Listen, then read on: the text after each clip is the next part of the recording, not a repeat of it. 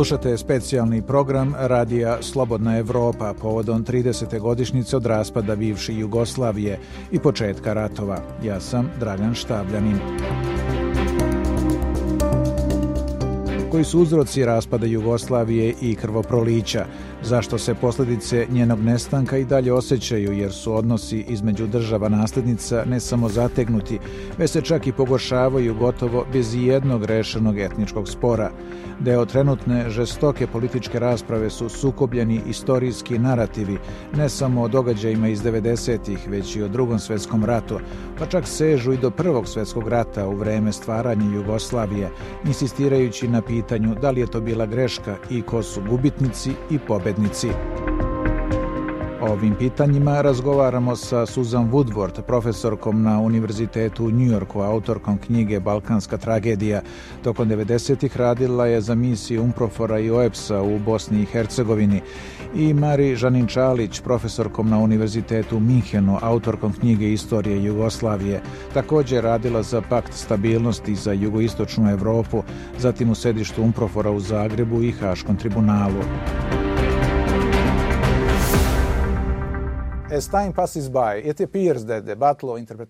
Kako vreme prolazi, čini se da je borba za interpretaciju ovih događaja sa oprečnim pogledima na uzroke raspada Jugoslavije, posljedice ratova, pobednike i gubitnike, krivce i žrtve i rešenja kojima su okončani ratovi postala i ožešća. Pored toga, akteri danas više naglašavaju etničke i verske razlike nego pre rata, u vreme kada je ideja bratstva i jedinstva još uvek bila živa.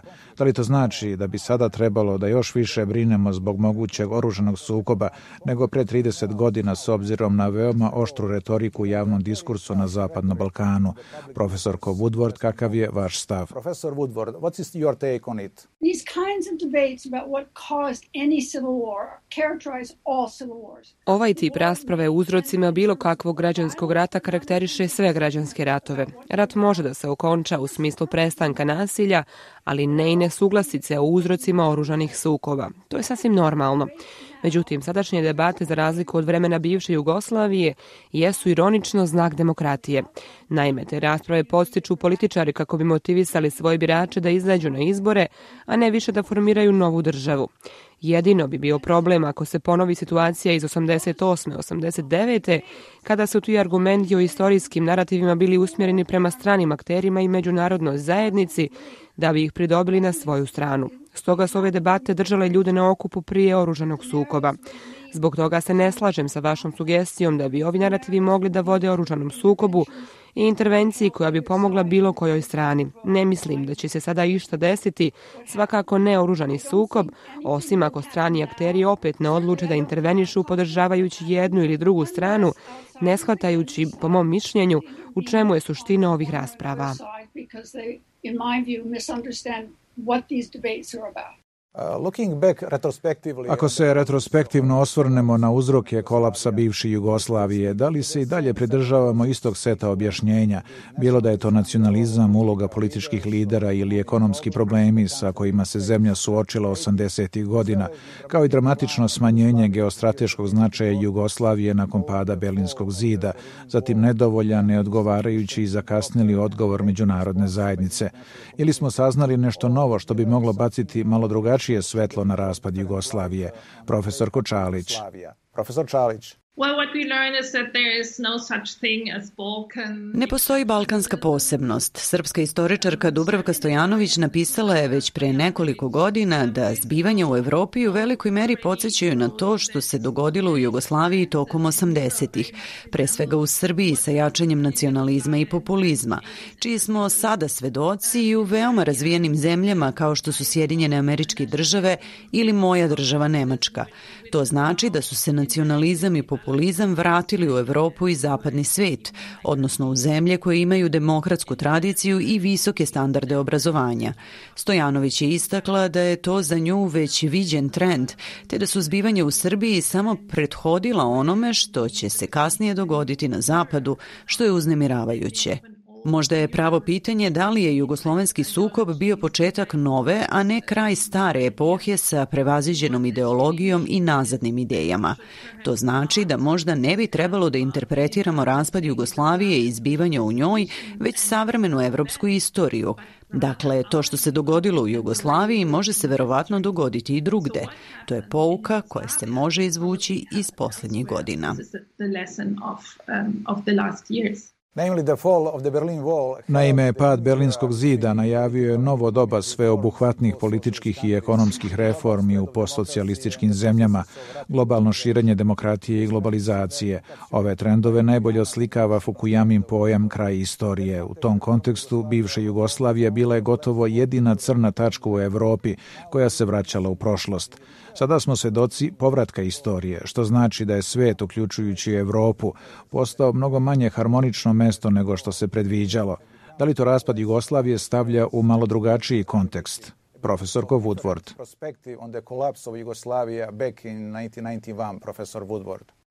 Moj odgovor je jednostavno ne. Profesorko Čalić. Kao što sam rekla, postavlja se pitanje kako gledate na evropsku istoriju. Ne postoji posebnost Balkana i stoga se zbivanja u Jugoslaviji i njen raspad mogu besprekorno objasniti opštom teorijom i delom evropskih, pa čak i globalnih trendova. Stoga ne verujem da će nedavna istorija voditi reinterpretaciji zbivanja u Jugoslaviji, već sobstvene istorije i sadašnjosti. Uh, Kao što je jednom rečeno, Jugoslavije je bilo lakše zamisliti nego postići. Profesor Kočalić, ako se osvrnemo na vreme stvaranja Jugoslavije pre više od jednog veka, da li je bio problem što se, na primjer, Srbi, Hrvati i Slovenci nisu dobro poznavali i živeli su u različitim istorijskim okolnostima, ili kao što ste istakli, ova tri naroda su bila toliko odmakla u nacionalnoj afirmaciji da je ujedinjenje Jugoslavije zapravo došlo prekasno.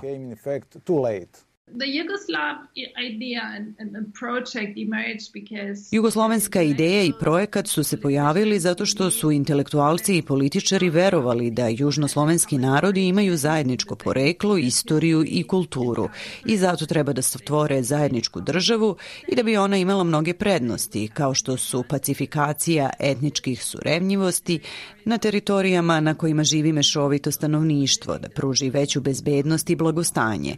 Međutim, pokazalo se da je zemlja veoma raznolika, te da svi ti narodi imaju različite tradicije, jer su oni koji su živeli na Habsburškoj teritoriji bili pod potpuno drugačijim pravnim i političkim sistemom u odnosu na narode pod upravom Otomanske imperije. Takođe, standardi društvenog i ekonomskog razvoja, To je uticalo na formiranje različitih interesa koji su svi bili legitimni, ali ih je bilo teško pomiriti.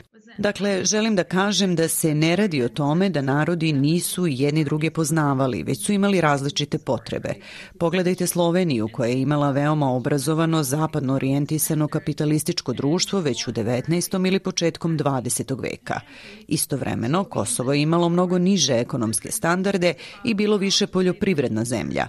Stoga su Slovenci i Kosovari očigledno imali različite ideje o oblikovanju budućnosti, kako treba da izgleda ustav koji bi omogućio pregovore o ovim sukobljenim interesima, kao i stvaranje zajednice koja bi garantovala pravičnu trgovinu i istovremeno budućnost u kojoj će svaki od naroda sačuvati svoj identitet, ali takođe i željeni razvoj. Profesor Woodward, why did Yugoslavia lack... Profesorko Woodward, zašto su Jugoslaviji nedostajali potencijali za integraciju koji bi mogli da pomire sukobljene nacionalne interese? Naime, drugu Titovu Jugoslaviju držao je na okupu nadnacionalni koncept bratstva i jedinstva. Međutim, taj pojam je izgubio svoju privlačnost posebno nakon Titove smrti, dok su nacije Republike klizile u neprijateljstva i podele. I think the concept of brotherhood and unity was very important Mislim da je koncept bratstva i jedinstva bio veoma važan za partizansku generaciju kao princip lojalnosti zemlji, ali ne vjerujem da je ikada imao za svrhu integraciju različitih interesa i okolnosti koje je profesorica Čalić odlično skicirala. Međutim, pravo pitanje je za koje jedni smatraju da se time zemlja drži na okupu, a drugi da je vodilo njenom kraju, jeste da ona nikada u ustavnom smislu nije imala integrativni potencijal. Još od 1950-ih, a naročito kasnije, zemlja je bila sve decentralizovanija. To je značilo da je svaka republika, kao i dvije pokrajine, imala ustavne i druge mehanizme da izraze svoje interese. Međutim, to je istovremeno značilo da nije bilo mnogo načina da se oni integrišu u jednu zemlju all of them into to one country. Profesor Woodward also uh, Profesorko Woodward, još jedno pitanje za vas. Postoje dva oprečna objašnjenja za raspad Jugoslavije. Jedno je snaga nacionalnog identiteta i osjećanja i rašireno uverenje, posebno na zapadu, da su nacionalne države i želja za nacionalnim samopredeljenjem prirodniji od multinacionalnih država. Jugoslavija je označena kao veštačka država. Drugi je pojava Slobodana Miloševića. Njegova težnja za moći vodila je ka eksploataciji agresivnog srpskog nacionalizma, što je primoravalo nesrpske narode na odbrambeni nacionalizam, tražeći u nezavisnim državama utočište, kao i klimu pogodniju za demokratiju. Kakav je vaš stav?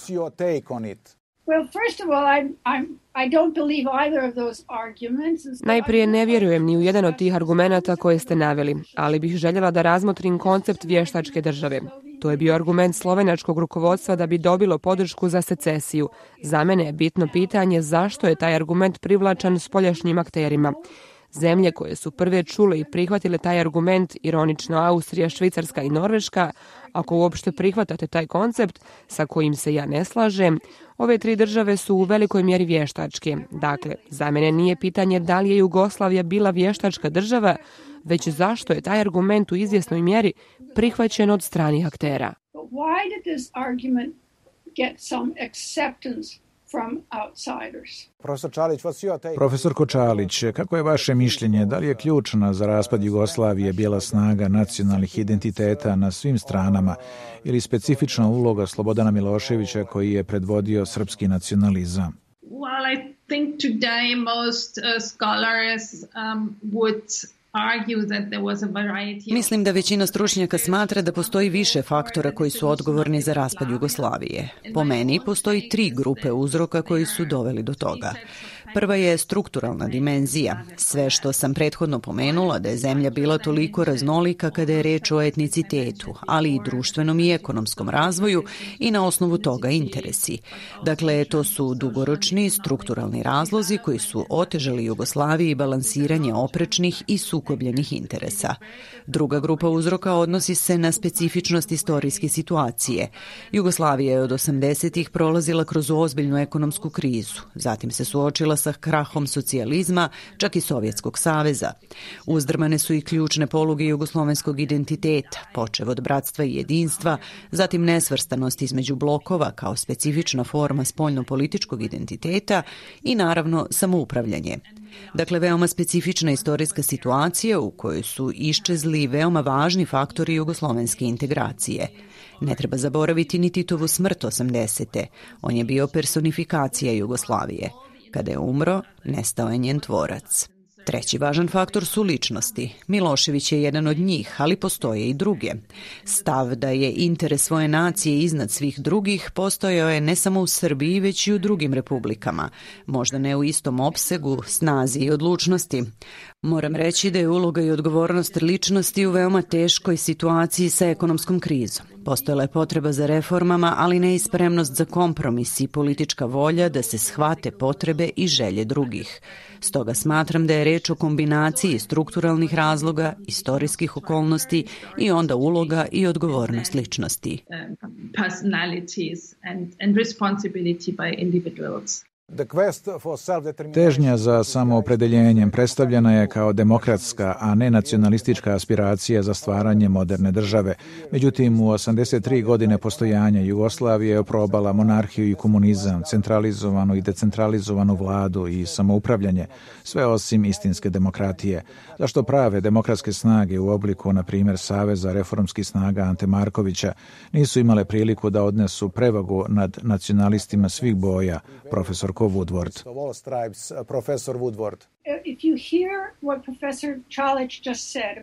Ako ste pratili što je profesorica Čalić upravo kazala koliko je složeno objašnjenje o tome šta se desilo, čak i da je ličnost Ante Markovića imala pozitivan uticaj na očuvanje Jugoslavije, to ne bi bilo dovoljno. Za mene je interesantna poruka za sadašnje prilike jer je jedan od postulata Markovićeve vlade bio prihvatanje, promovisanje i provođenje reforme koje je tražio Međunarodni monetarni fond, što je bilo teško tokom tog cijelog perioda 80-ih. Zašto je to važno i zašto nije uspio? Zato što je to i dalje aktuelno pitanje u državama nasljednicama, prije svega u Bosni i Hercegovini. Riječ je o istoj platformi za ekonomske reforme koju zahtijevaju Međunarodni monetarni fond i Svjetska banka sa istim posljedicama.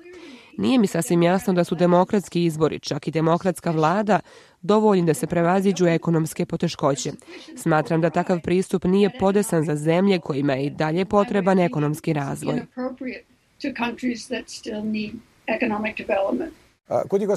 Da li je Jugoslavija mogla da opstane ili bar da se mirno raspadne da je bila demokratska zemlja, jer smo svedoci da etnički sporovi jačaju čak i u demokratskim državama, sa, na primjer, težnjama Katalonije ili Škotske da stvore svoje države, profesor Kočalić. I think that um, many people um, were Mislim da mnogi nisu spremni da traže kompromisno rješenje zato što su involvirane strane uverene da su u pitanju njihovi vitalni nacionalni interesi. Slovenija, Hrvatska, također i Kosovo želeli su da napuste federaciju, smatrajući, mnogi građani i elite, da je to nužno jer bi to pomoglo u njihovoj težnji za boljom budućnošću, evropskom perspektivom, više sloboda, boljim ekonomskim reformama. Međutim, to je ugrožavalo percipirane ključne interese srpskih nacionalista koji su želeli da žive u Ujedinjenoj Srbiji sa svim sunarodnicima u jednoj nacionalnoj državi. To znači da je priroda sukoba bila takva da ste u njemu mogli da budete pobednici ili gubitnici. Dakle, nije bilo moguće sačuvati Jugoslaviju bez ugrožavanja legitimnih interesa severnih republika ili je razbiti, čime se narušava percipirani vitalni interes Srbije. Zbog toga je sukob bio tako žestok, jer se činilo da kompromis nije moguć. Ipak smatram da su na kraju za sve odluke koje su donete odgovorne konkretne ličnosti. Odluke kao što su upotreba nasilja, zatim ostvarivanje svojih ciljeva, bilo očuvanju Jugoslavije, u svih Srba u jednu državu ili napuštanju federacije, doneli su ljudi – političari, armija, mnogi intelektualci koji su podržavali i pripremali teren za nasilje. Dakle, smatram da na kraju situacija nije bila sudbinska, odnosno neizbežna, jer je u bilo kom trenutku tokom procesa raspada Jugoslavije bilo moguće doneti potpuno drugačije odluke, ali nije. During the process of dissolution, totally different decisions could have been made, but they were not. O ulozi međunarodne zajednice. Mnogi stručnjaci tvrde da je Jugoslavija razbijena iznutra, odnosno njene unutrašnje snage i dinamika. Profesorko Woodward, kakva je odgovornost međunarodne zajednice za njen raspad? I'm on one side of this debate S jedne strane smatram da je međunarodna zajednica imala veoma snažnu ulogu, ali priznajem da se mnogi neće sa mnom složiti. Treba da pođemo od činjenice da je Jugoslavija za vrijeme svog postojanja bila izuzetno prosperitetna zemlja, daleko iznad svojih materijalnih resursa, zbog uloge koju je igrala u međunarodnoj zajednici, zahvaljujući Titu, naročito strateškog interesa koji su za nju imale Sjedinjene države. Međutim, krajem 80-ih taj strateški interes je nestao. Kada je riječ o SAD-u, više nije postojao bilo kakav interes za održavanje Jugoslavije. Da su SAD nastavili da šalju pomoć Anti Markoviću koju je tražio, umjesto da mu je uskrate, to je možda moglo da osigura neko vrijeme da domaći političari, koji nisu bili skloni kompromisu, kao što je profesorica Čalić s pravom naglasila, dođu do nekog rješenja. Međutim, čak i da je stigla ta pomoć, bilo je mnogo drugih poteza međunarodnih aktera, kao što je, na primjer, podrška nezavisnosti Slovenije i Hrvatske, odbijanje unutrašnjeg prekrajanja granica, što je imalo više smisla za Srbe da žive u jednoj državi, na što je profesorica Čalić ukazala kao na jedno od mnogih pitanja.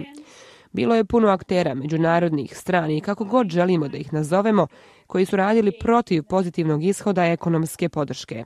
Ja mislim da su potezi međunarodnih aktera spriječili kompromis koji bi na kraju bio uspješan. the kinds of compromises that might in the end have worked. Kasnije, tokom rata, dok su Hrvati i Bošnjaci kritikovali međunarodnu zajednicu zbog toga što nije pružala adekvatnu podršku, naročito u ranim fazama sukoba sa jugoslovenskom vojskom i srpskim snagama, beogradske vlasti su tvrdile da su SAD, Evropska unija i NATO preduzeli jednostrane poteze, između ostalog uvođenjem sankcije i vazdušnim udarima protiv srpskih snaga. Kakav je vaš komentar, profesor Kočalić? Tačno je da su se mnogi političari i vojni eksperti na zapadu nadali da će biti sprečeno nasilje u bivšoj Jugoslaviji bez vojnog uplitanja sa strane. Postoje veliki strah od razmeštanja kopnenih snaga. Mislim da je ključni problem što je međunarodna zajednica predugo čekala. Zapadne vlade su reagovale tek kada je došlo do nasilja. Znamo da kada izbije rat, veoma ga je teško zaustaviti intervencijom sa strane i pacifikovati strane u sukobu. Također je istina da se do samog kraja rata nije iskristalisalo održivo političko rešenje koje bi moglo da se čak primeni vojnom intervencijom. To je argument koji su često koristile armije, također i NATO. Međutim, nije postojala garancija da bi vojno angažovanje sa strane dovelo do pacifikacije regiona. Smatram da postoji dugačka lista grešaka i propusta međunarodne zajednice koja je izgledala bespomoćno i dezorijentisano sa različitim političkim ciljevima. Sa druge strane, nedostajali su instrumenti koji bi tada mogli da se koriste. Mnogi instrumenti koji su danas naveliko prihvaćeni tada nisu postojali, već su nastajali tokom rata. Na primer, međunarodni krivično-pravni sistem ili princip odgovornosti za zaštitu koji je danas široko prihvaćen. Ovo govorim da bi isprovocirala Susan Woodward da komentariše ovo pitanje. I'm saying this to provoke Susan Woodward to comment on the issue that we didn't have the instruments at the time. I agree completely. Da u to vrijeme nismo imali instrumente, u potpunosti se slažem. No nisam sigurna da je koristan instrument odgovornost za zaštitu, jer ako analiziramo kako je upotrebljavan, sada vidimo da je doveo do pogoršanja situacije u Libiji i nije pomogao ni u jednom slučaju ako posmatramo trenutno stanje u afričkim državama. Voljela bih da sam optimistična, ali nisam sigurna. No također je tačno, sada govorim kao Amerikanka, da Clintonova administracija zaista nije željela da bude involvirana i stalno je mijenjala stav. Postojalo je pet mirovnih planova koji su u najmanju ruku mogli da zaustave sukobe, bez obzira na politički ishod za koji ne znamo kakav bi bio. Amerikanci su odbili sve mirovne planove. Clinton je reagovao tek 1995. godine kada ga je lider njegove demokratske stranke u predstavničkom domu Kongresa SAD upozorio da bi mogli da izgube izbore ako ne učine nešto u Bosni i Hercegovini i onda je djelovao. Tek tada je čak i Richard Holbrooke priznao da i Srbi u Bosni i Hercegovini imaju interese koji moraju da se uzmu u obzir ali neodlučnost, naročito kada je riječ o SAD-u, što seže čak do 1991. godine, bila je ozbiljen dio problema. From even from 91 on, I think it was a very serious part of the problem. Devar ended, but uh, many see the post-war settlements. Rat se završio, ali mnogi vide poratne dogovore više kao zamrznuti mir nego održivo rešenje ili, kako je rekao Lord Owen, jedan od ključnih međunarodnih izaslanika. To je bio mir bez časti. Da li je to jedan od ključnih razloga za krhku situaciju na Zapadnom Balkanu, gde je duboko usađena ozlojeđenost i gotovo ni jedan etnički spor nije rešen? Profesor Kočalić. It's evident that the Dayton Peace Accord ended the war. Očigledno je da je Dejtonski mirovni sporazum okončao rat, ali je zamrznuo isti onaj sukob koji je doveo do izbijanja tog rata. Dejtonski ugovor je pokušao da reši kvadraturu kruga, odnosno da učini nemoguće. Očuvanje Bosne i Hercegovine kao jedinstvene države, što je bio ratni cilj Bošnjaka. Istovremeno omogućuje stvaranje dva entiteta, dajući Srbima neku vrstu države u BiH, zbog koje je počeo rat. Problem je što se niko u BiH ne identifikuje sa takvom državom. Uspostavljen je veoma komplikovan ustavni sistem zbog kojeg je država nefunkcionalna. Takođe, neki od protagonista zbivanja iz 90-ih i dalje su aktivni, zauzimajući čak javne funkcije, sledeći sada istu agendu kao i tada. The same kind of agenda as in the 1990s. Profesorko Woodward, da li živimo na Balkanu u stanju zamrznutog mira 30 godina kasnije? Ja to objašnjavam na dva načina. S jedne strane, kompleksni problemi koji su doveli do raspada Jugoslavije još su prisutni u svakoj od država nasljednica i to na različite načine koje ste vi sami pomenuli. Veliki vanjski dug, političke stranke koje nastoje da privuku birače prije svega na nacionalističkim temama i idejama, mnogo veća nezaposlenost nego u bivšoj Jugoslaviji, ali voljela bih da čujem mišljenje profesorice Čalić o neuspjehu pristupa Evropske unije. Sa druge strane, ovo su sada nezavisne države. Njihova politika se razlikuje od politike Jugoslavije. Nisam sigurna da je tumačenje kroz prizmu onoga što se desilo u Jugoslaviji adekvatan način da se razumije svaka od novonastalih država. One se zapravo mnogo razlikuju, izuzimajući možda Bosnu i Hercegovinu.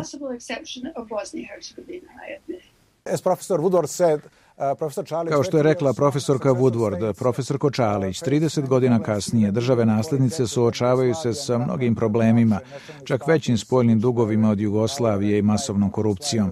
Nacionalističke stranke koje su bile na vlasti u vreme raspada Jugoslavije, uglavnom su još uvek na vlasti. Iako su Jugoslavije optuživale da je zastarala i nedemokratska, države naslednice predstavljaju samo privi demokratije sa preovlađujućom partijskom i etničkom lojalnošću, umjesto profesionalizma i zasluga. U međuvremenu čini se da integracije u Evropsku uniju kao uverljiv mamad za balkanske zemlje bledi. Postoji li način da se ovaj trend preokrene? Is there way uh, to reverse this trend? I'm not so pessimistic. Ja nisam tako pesimistična jer na kraju krajeva postoje zemlje regiona koje napreduju. Također na cenilom Balkanu ima znakova koji pobuđuju optimizam. Naime, nema neposredne ratne opasnosti, ipak postoje demokratske institucije, relativno dobri susjedski odnosi sa nekim izuzecima, kao što je između Srbije i Kosova, zatim Severne Makedonije. Međutim, znamo da se taj problem osjeća i izvan Zapadnog Balkana. Zemlje regije imaju evropsku perspektivu. Slovenija i Hrvatska su članice Evropske unije, Srbija i Crna Gora pregovaraju, Severna Makedonija je veoma blizu njihovog odpočinjanja. Dakle, region je na dobrom putu. Veliki je problem što ima mnogo aktera sa strane koji se mešaju u unutrašnje poslove. Ima ih više, mada je Evropska unija najistaknutiji akter. Ona je najveći pojedinačni donator u regionu koji pritom pruža i političku perspektivu. Međutim, ima i mnogo drugih, ne samo zapadnih aktera, poput Turske, Rusije, Islamske države, sada i Kina. Svi oni nastupaju sa svojim interesima i uvoze sporna pitanja na Balkan.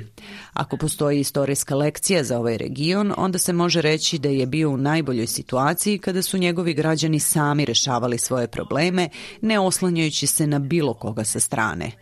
Dakle, ne bi trebalo očekivati da Evropska unija reši probleme u regionu, već on sam. Profesor Čalić, Profesor Kočalić, napisali ste da stvaranje nacionalnih država u bivšoj Jugoslaviji još nije završeno, te da brojna pitanja identiteta, granice i statusa ostaju nerešena.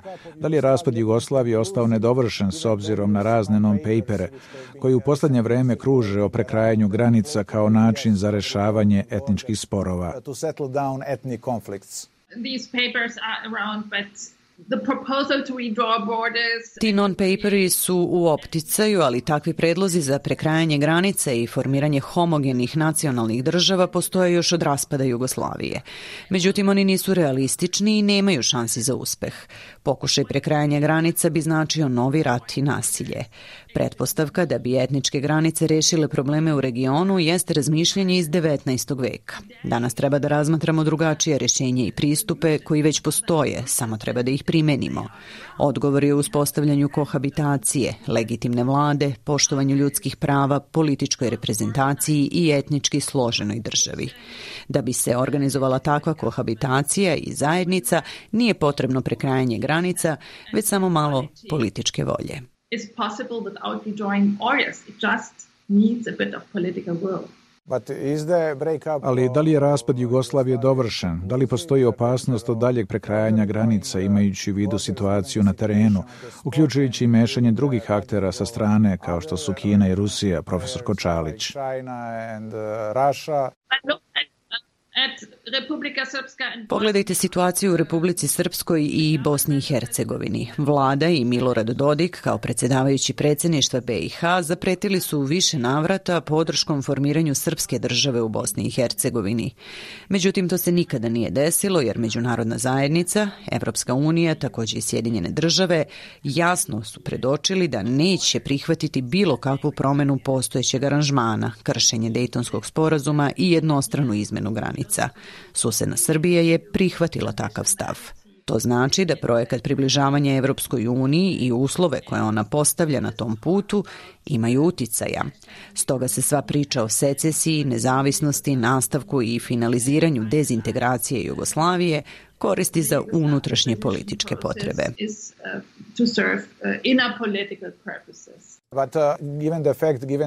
Međutim, imajući u vidu zamor od proširenja unutar Evropske unije, te da je članstvo u njoj daleka budućnost za ostatak Zapadnog Balkana, ako se izuzmu Slovenija i Hrvatska, u kombinaciji sa rastom uticaja Rusije, a naročito Kine u posljednje vreme, u igri su i druge opcije, profesor Kočalić. There are other options um, as well, they are not very realistic. Postoje i druge opcije, ali nisu realistične. Naime, ako pogledate šta mogu da ponude Rusija ili Turska, tu se mnogo priča, ali kada se, na primjer, dođe na teren ekonomskih odnosa, trgovine i investicija, ove zemlje su od manjeg značaja. Interesantnije je Kina sa inicijativom Pojas i put i velikim investicijama. Međutim, ona je veoma daleko, a Zapadni Balkan je u Evropi. Stoga nema druge perspektive da pre ili kasnije, možda kasnije, Balkan postane deo Evropske unije. Sve ostalo služi kao sredstvo za cenjkanje, ali po mom mišljenju nije realistično. Kako će profesor Kočalić po vašem mišljenju izgledati prostor bivše Jugoslavije za 10 ili 20 godina?